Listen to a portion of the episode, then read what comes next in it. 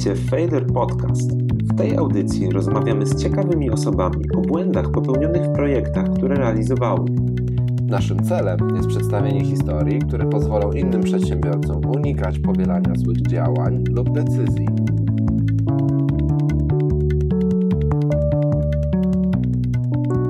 Witajcie, startupowcy i inni słuchacze naszego podcastu. Cieszymy się, że jesteście z nami. To już siódmy odcinek Failure Podcast, w którym gościć będziemy Pawła Sieczkiewicza z firmy Telemedico.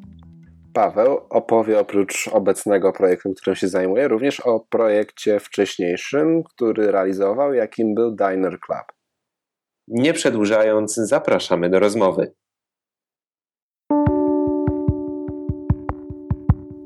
Dzisiaj z nami e, naszym gościem jest e, Paweł Sieczkiewicz. Cześć Pawle.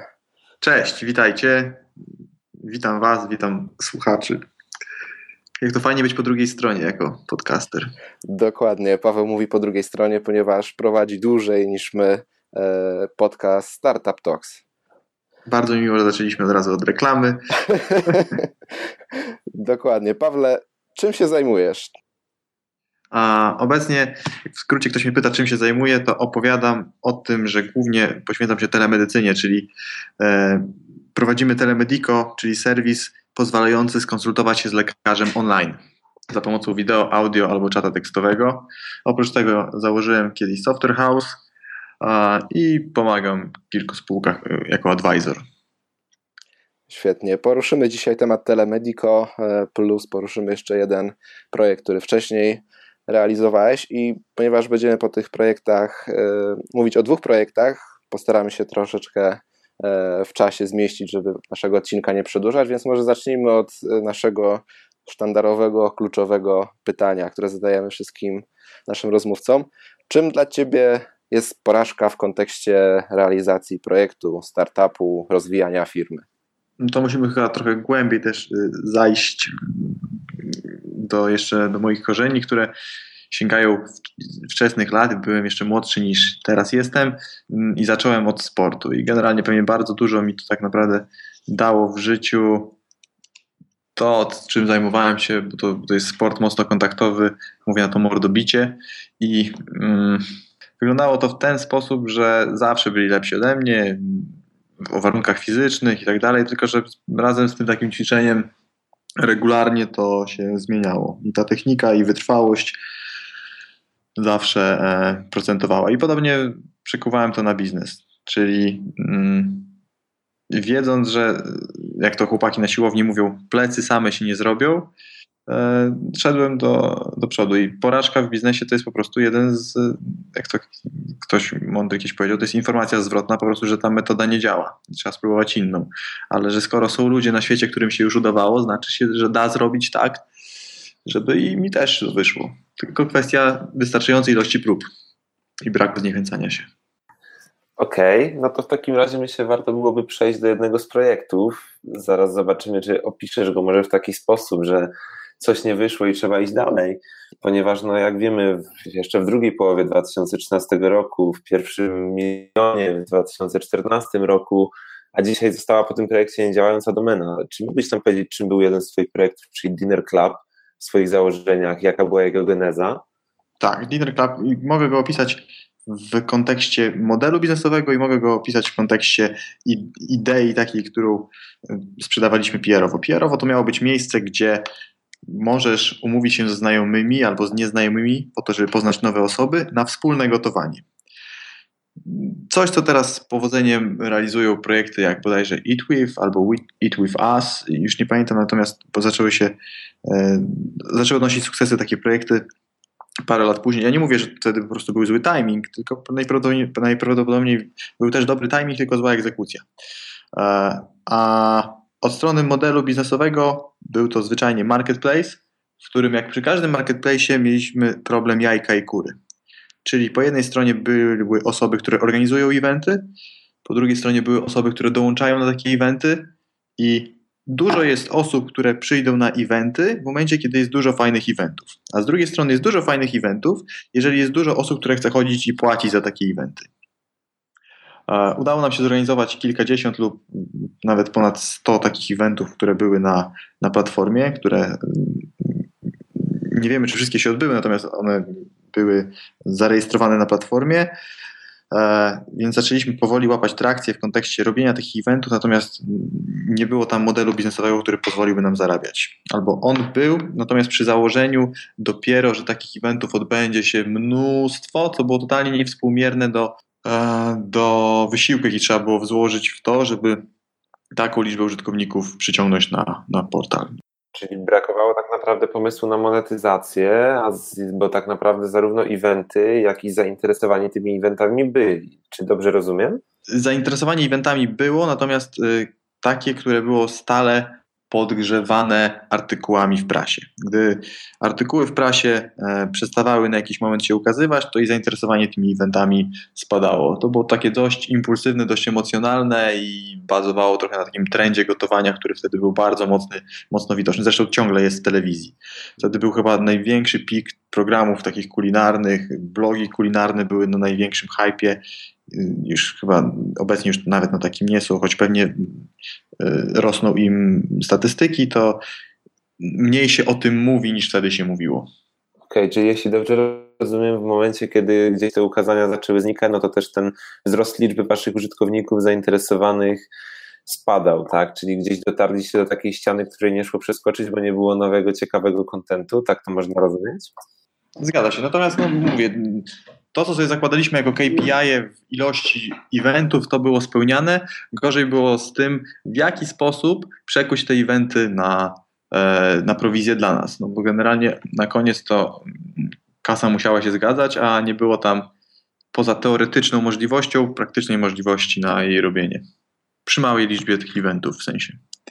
Okej, okay, to jakbyś jeszcze mógł opisać właśnie, jak to wyglądało pod tym kątem takim biznesowym, na czym wy zarabialiście realnie? Założenie było takie, że osoby, które organizują taki event, będą chciały zrzucić sobie z głowy e, robienie zakupów i będą chciały zamówić te składniki przez e, frisco.pl na przykład i tak dalej. Więc jednym ze źródeł miały być e, prowizje od delikatesów online, a drugim Mm, zwyczajnie te eventy miały być biletowane. Czyli ja chcąc dołączyć do takiego eventu, powinienem zapłacić za bilet coś jak BlaBlaCar, ja płacę za zwrot paliwa, tak tam mm, powinienem zapłacić e, e, kucharzowi albo organizatorowi, komuś, kto udostępnia lokal, za to, że kupuje składniki i tak dalej.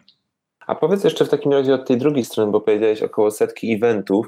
Jak to wyglądało po stronie zainteresowania ludzi? No nie jesteś w stanie może ocenić, ile z tych eventów faktycznie się e, odbyło, no ale jest jakaś na pewno baza użytkowników, do jakiej dotarliście, którą potem zamknęliście i nie wykorzystaliście tego dalej, ponieważ do jakiegoś momentu ten wzrost był pewnie realizowany. Czy możesz powiedzieć, jak wyglądała ta dynamika i jak pozyskiwaliście tych użytkowników? Czy to było jedynie zainteresowanie przez te artykuły prasowe i inne medialne? Tak, to było głównie obecność w social mediach, bo, no i PR. Nie wydawaliśmy pieniędzy na Facebook Ads, z tego co pamiętam. E, zrobiliśmy kilka eventów, takich nawet w realu, po to, żeby zaprosić znajomych, sprawdzić jak to działa, żeby nie być tylko teoretykiem, który organizuje eventy, a sam w nich nie brał udziału, więc e, trochę takich gotowań zrobiliśmy sami. E, ale to już było dość dawno. Pamiętam tylko coś, co mi utkwiło w głowie, że to były głównie duże miasta, E, użytkownicy pochodzili głównie z dużych miast i chyba wcale nie było dużej przewagi kobiet nad mężczyznami. A jakbyś mógł powiedzieć, w jaki sposób się promowaliście? To był projekt, który był nastawiony na ten hype kulinarny. Bazując na tym, że coś się działo w telewizji, czyli szliśmy po tym trendzie E, I sporo zwyczajnie ukazywało się artykułów o tym, że ok, w internecie też ten, ta moda kulinarna się rozwija i my się w to, w to zapotrzebowanie dziennikarzy na pisanie o tym temacie wpisywaliśmy z tym projektem. Strategia marketingowa opierała się zwyczajnie o dystrybucję PR-ową, media relations. Mhm. Ok, czyli jeżeli chodzi o budżety, to rozumiem, że był to typ projektu niskobudżetowego, który tak, się opierał na prostym narzędziu. Tak, budżetowego, bootstrapowany przeze mnie i grupkę znajomych. Tak.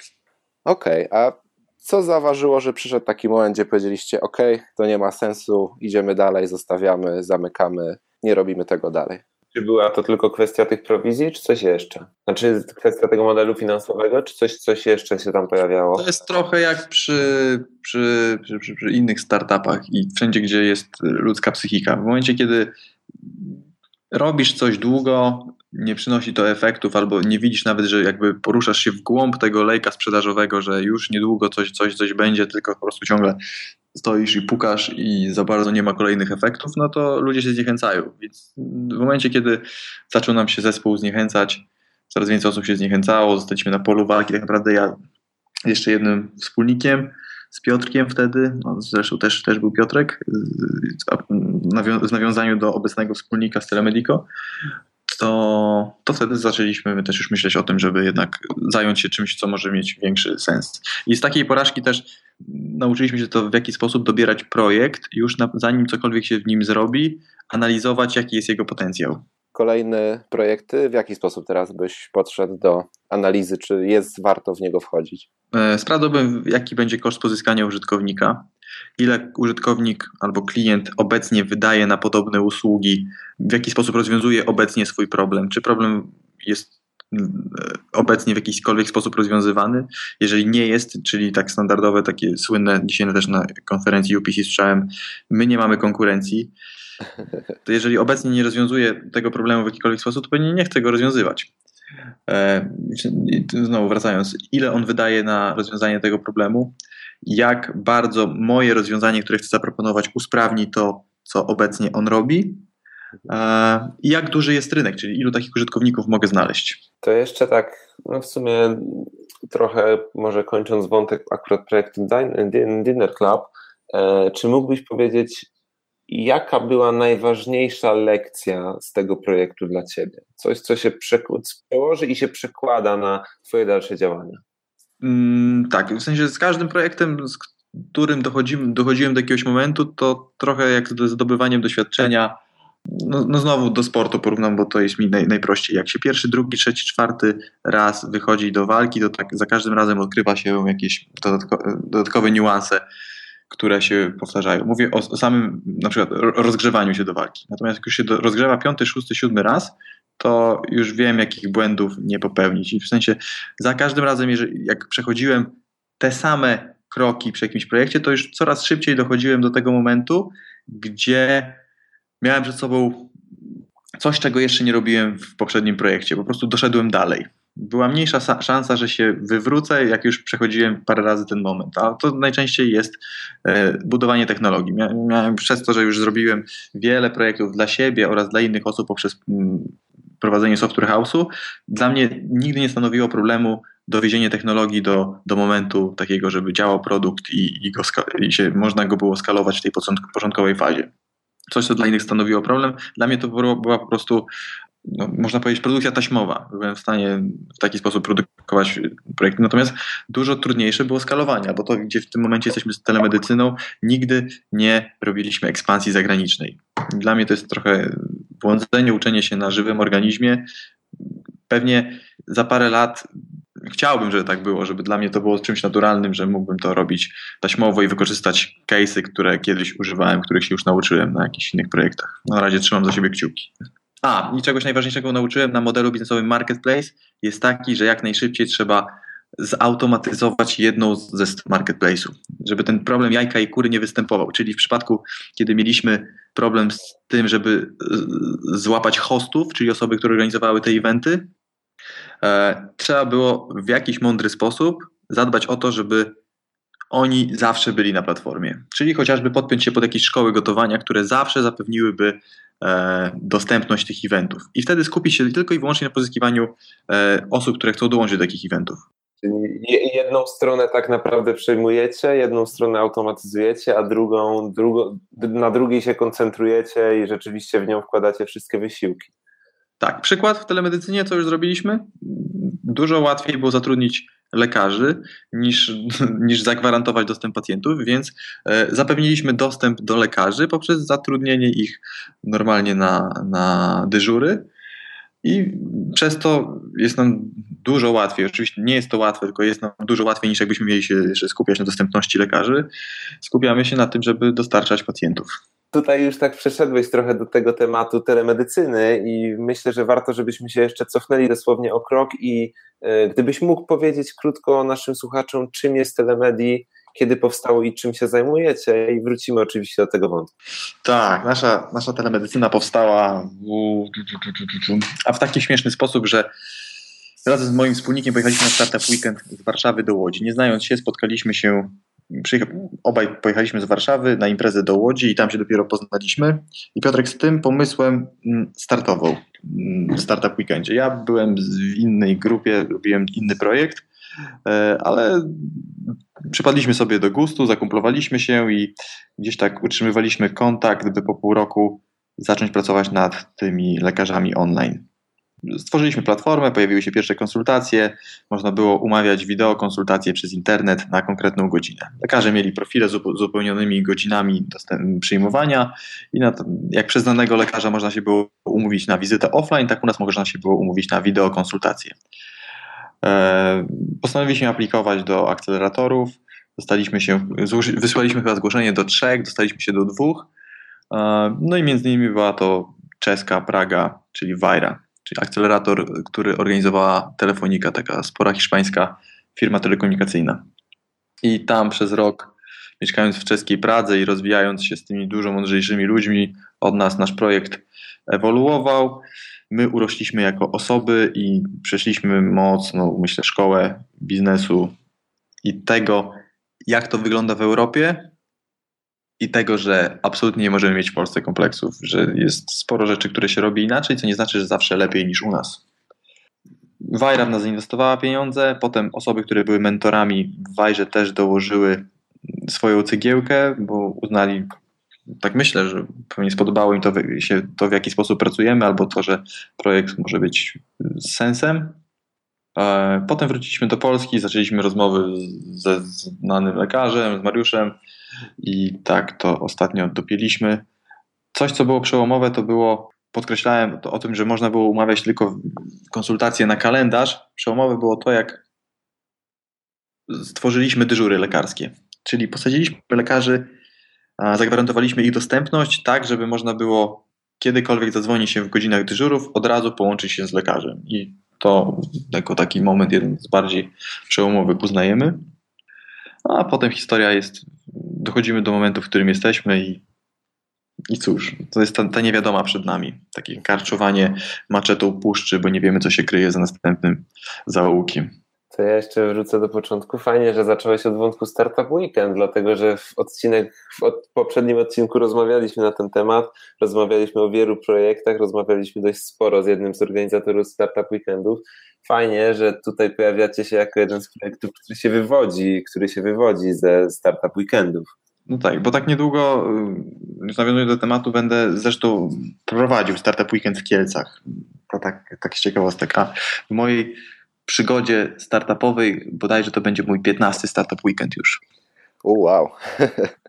Super, super, czyli Serial Startup Weekend Entrepreneur.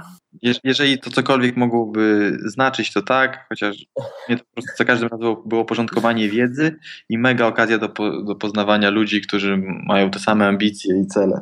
Jasne, jasne. Słuchaj, jeszcze nawiązując do kwestii tej akceleratora Wajra Praga, mhm. e, Powiedziałeś się, znaleźliśmy takie twoje stwierdzenie, że jeśli nie weźmiesz od akceleratora samodzielnie tego, czego potrzebujesz, to sama akceleracja nic ci nie da. Czy mógłbyś dla słuchaczy powiedzieć więcej na ten temat, ponieważ niejednokrotnie wobec akceleratora każdy buduje jakieś oczekiwania, które tak. no, nie są spełniane, jeśli rzeczywiście my nie, nie wyciągniemy tego od tego akceleratora. Jak ty to rozumiesz, jak wy działaliście w akceleratorze i co wam rzeczywiście dała ta akceleracja? Może nawet zróbmy jeszcze krok wcześniej, opowiedzmy czym jest akcelerator, bo akcelerator to jest miejsce, w którym projekty przychodzą, by się zaakcelerować, czyli przyspieszyć swoje działanie, najczęściej w kontekście sprzedaży. Były projekty, które przychodziły, żeby zaakcelerować się w, kontekście budowy produktu, czyli miały coś, ale postanowiły zrobić pivot i dobudować więcej lub zmienić to, co totalnie robią, albo miały już produkt, miały już jakąś drobną walidację na rynku i chciałyby teraz to przeskalować, żeby urosnąć w kontekście sprzedażowym poprzez marketing albo poprzez kanały dystrybucji, które miały dać im akcelerator. Akceleratory dzielą się na takie, które są organizowane przez fundusze, tak, głównie wydzielam, bo pewnie oczywiście coś pominę, ale takie, z którymi się spotkałem, głównie były organizowane przez fundusze inwestycyjne po to, żeby zrobić takie swoje sito scoutingowe, wybrać tych, którzy najlepiej pracują, bo organizując akcelerator, widzisz tych ludzi najczęściej na co dzień, patrzysz, jaki oni robią progres, jak się przykładają. Dzięki temu nie inwestujesz od razu kupy kasy w jakiś projekt, tak można powiedzieć, w ciemno, jeżeli nie znasz jakichś ludzi, tylko na podstawie tego, jak ich obserwujesz, jakie są ich postępy, nie podstępy. A z drugiej strony są akceleratory organizowane przez korporacje, czyli taki jak, był, jak była Wajra. Czyli oni wyszukują projekty, które spinają się z ich modelem biznesowym, z ich usługami, które oferują i tam, gdzie Wajra ma klientów, tym klientom mogłaby zaoferować kolejną usługę typu, e, typu konsultacji online z lekarzami jako dodatek do abonamentów telefonicznych. I Wajra jako firma telekomunikacyjna jest takim, Telefonika jako firma telekomunikacyjna jest w takim momencie, że ich korowy produkt, czyli abonamenty, gdzie ludzie dostawali na przykład darmowe minuty albo dostawali internet, trochę przestaje być opłacalny, dlatego że te abonamenty są coraz tańsze, ludzi raczej, którzy to kupują, nie przybywa albo nie przybywa tak szybko, jak spadają ceny. I przez to taka firma musi szukać kolejnych modeli biznesowych albo kolejnych produktów, które może zaoferować tym samym użytkownikom, żeby z powrotem te rachunki były warte tyle, ile były warte przed laty, bo, bo nie zmieniły się, nie zmieniła się albo w założeniu się nie zmienia liczba ludzi, których oni zatrudniają, i ostatecznie, żeby bilans był na plus.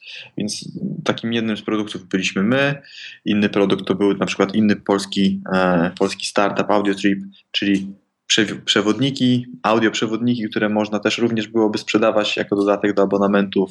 Inne produkty mobilne polegały chociażby na ocenianiu pracowników, jak jesteśmy w jakimś miejscu, jesteśmy przykład w restauracji, możemy dać ocenę konkretnej kelnerce, albo jesteśmy w urzędzie skarbowym i możemy konkretnemu użytkownikowi, y, konkretnemu urzędnikowi wystawić ocenę jako feedback, jak on się, e, jaki jest poziom jego obsługi klienta. To mogłoby być ciekawe.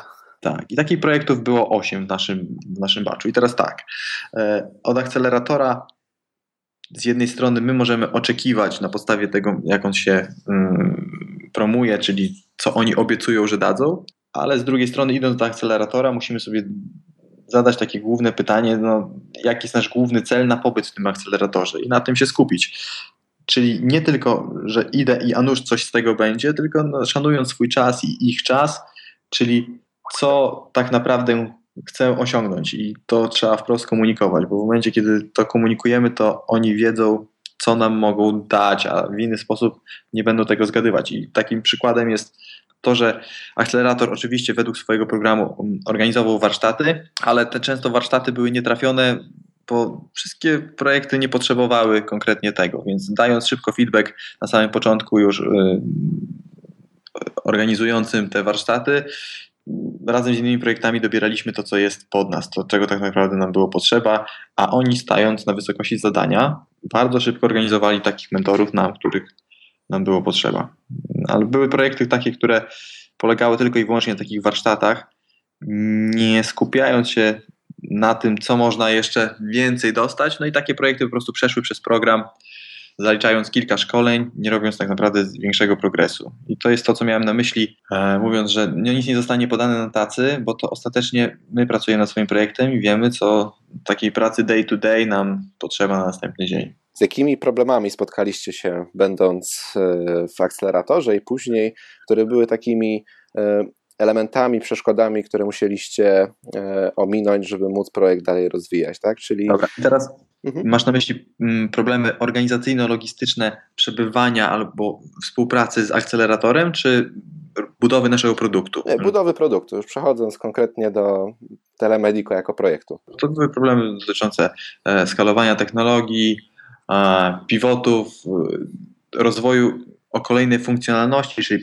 priorytetyzowania, co jest ważne, żeby zrobić w kolejnej, y, następnej kolejności, albo czego nie robić, y, user experience, wszystko to, z czym na koniec spotyka się użytkownik i co go rozprasza od tego, żeby zrobić to, czego od niego oczekujemy. Mógłbyś podać przykład sytuacji, gdzie z perspektywy czasu wiesz, że coś zrobiliście źle i musieliście zrobić krok w tył, żeby rozwijać się dalej z jeszcze E, większą prędkością. Tu wchodząc bardzo, bardzo w szczegóły, to chociażby testy AB tworzenia konsultacji i danych pobieranych w trakcie tworzenia konsultacji, bo dwie totalnie wykluczające się hipotezy polegające na tym, że im mniej formularzy, tym będzie wyższa konwersja, versus hipoteza, że właśnie my w medycynie powinniśmy brać dużo danych, bo to do tego ludzie są przyzwyczajeni w medycynie i wcale nie będzie im to przeszkadzało. Mhm.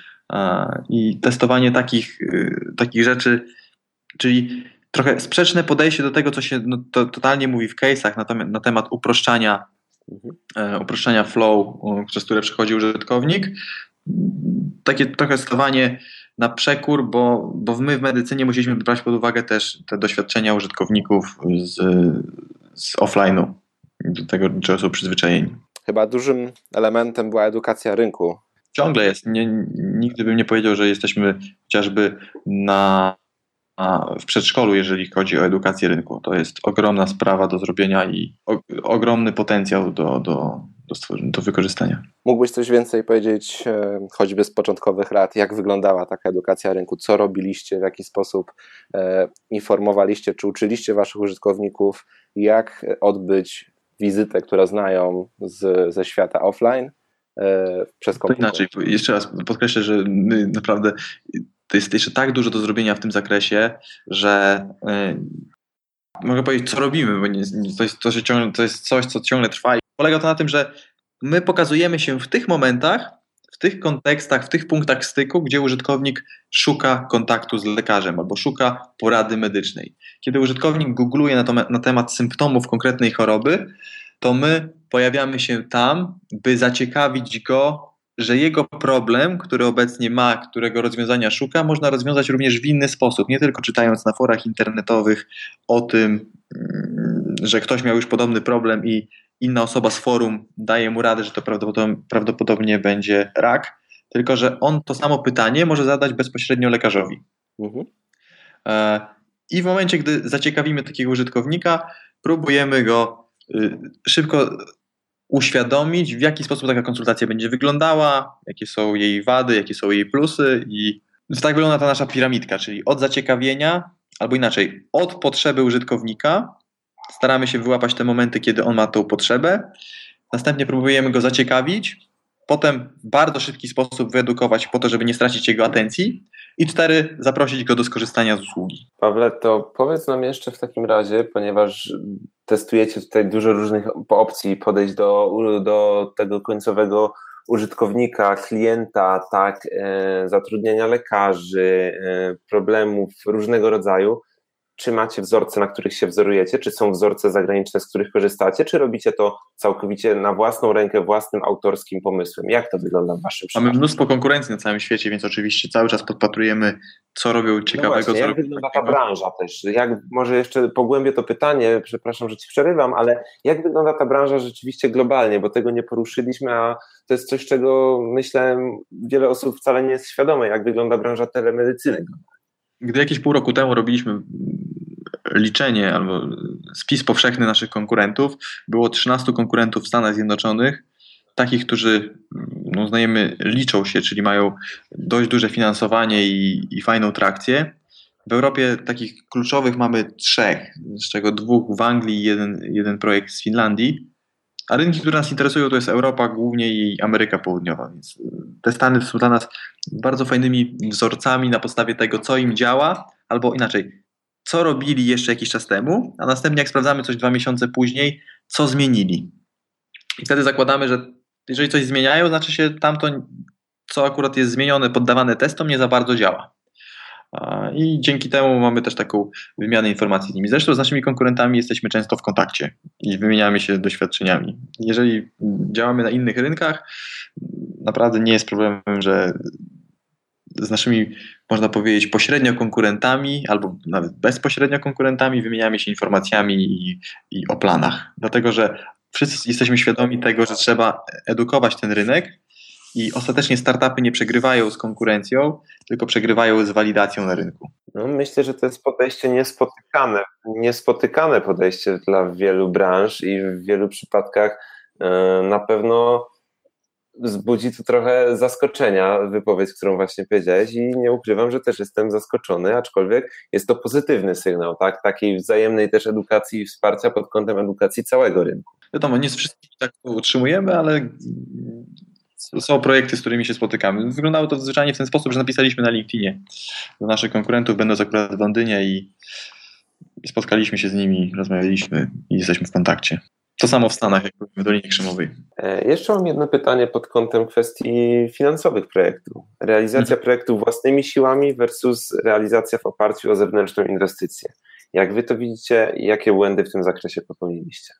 Nie generalizowałbym tutaj pod tym względem, bo to bardzo wszystko zależy od projektu i od tego, na jakich e, dostawców zewnętrznego finansowania jesteśmy w stanie trafić. E, I czy to finansowanie nam naprawdę bardzo pomoże w tym momencie urosnąć. I tutaj nie wchodzę znowu w wychwalanie smart money, bo może być po prostu akurat moment, kiedy wszystko już mamy opracowane, znamy lifetime, lifetime value użytkownika, mamy metodę jego pozyskiwania. Pozyskiwanie użytkownika jest dużo tańsze niż jego lifetime value, które możemy ostatecznie osiągnąć i tutaj zwyczajnie money jest potrzebne. Trzeba wtedy wybrać jak najtańsze money, czyli jak najwięcej pieniędzy, jak najmniej udziałów i, i, trzeba lecieć. Natomiast w przypadku, kiedy potrzebujemy jeszcze tego doświadczenia mądrzejszych osób od siebie, to oczywiście mocno rekomenduję, jakby to powiedzieć, e, zapraszanie na pokład takich osób i to, to jest bardzo pomocne. To, to zresztą nie przestaję chwalić naszych obecnych partnerów pod tym względem, bo naprawdę bardzo, bardzo dużo nam pomagają. To jest na pewno duża wartość. A pytanie, wychodząc od tego, czy, czy swoimi siłami, czy za pomocą kogoś, to, to też zależy, na ile jesteśmy sobie w stanie pozwolić, bo jeżeli startujemy tak naprawdę swoją zawodową karierę, nie mając oszczędności, mając swoje umiejętności, to jak najwięcej zróbmy oczywiście swoimi siłami, ale ubijamy projekt też nie biorąc szybko pieniędzy. Dlatego, że w pewnym momencie przystopujemy i w momencie na przykład jak już skończyły nam się pieniądze, dopiero zaczynamy szukać finansowania i przez to projekt nam się nie rozwija, bo zamiast skupiać się na biznesie, szukamy wtedy finansowania. To też nie jest, nie jest taka super metoda, żeby jak najdłużej ciągnąć bez, bez inwestora, nie oddając tych udziałów, bo po prostu w pewnym momencie y, sami się zapychamy.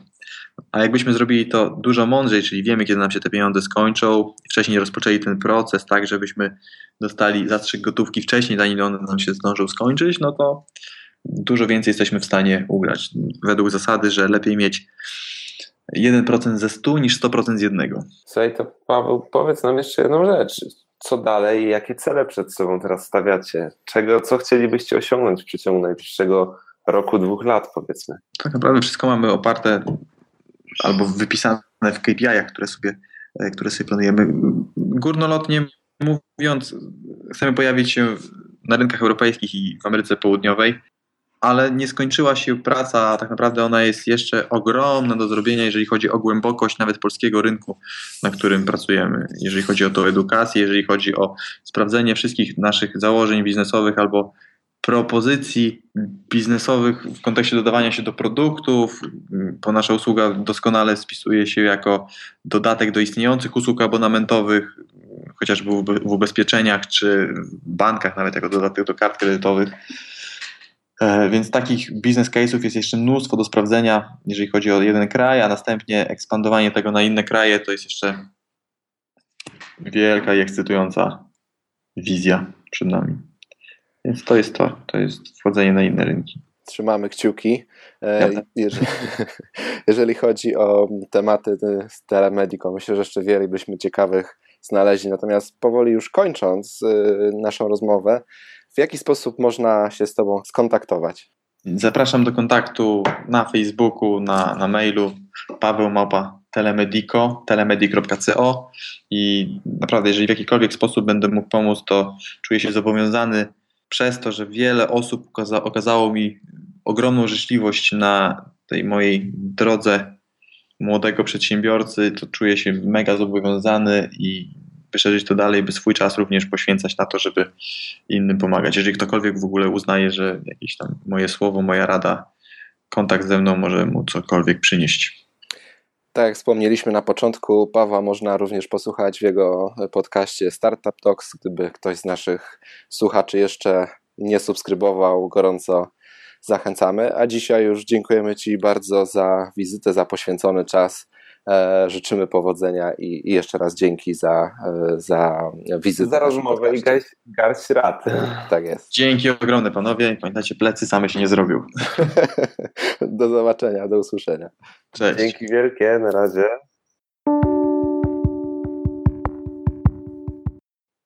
Jeśli miło Ci się słucha kolejnych odcinków naszego podcastu, prosimy przekaż znajomym informacje o nas, szeruj na Facebooku, oceniaj nas w iTunes.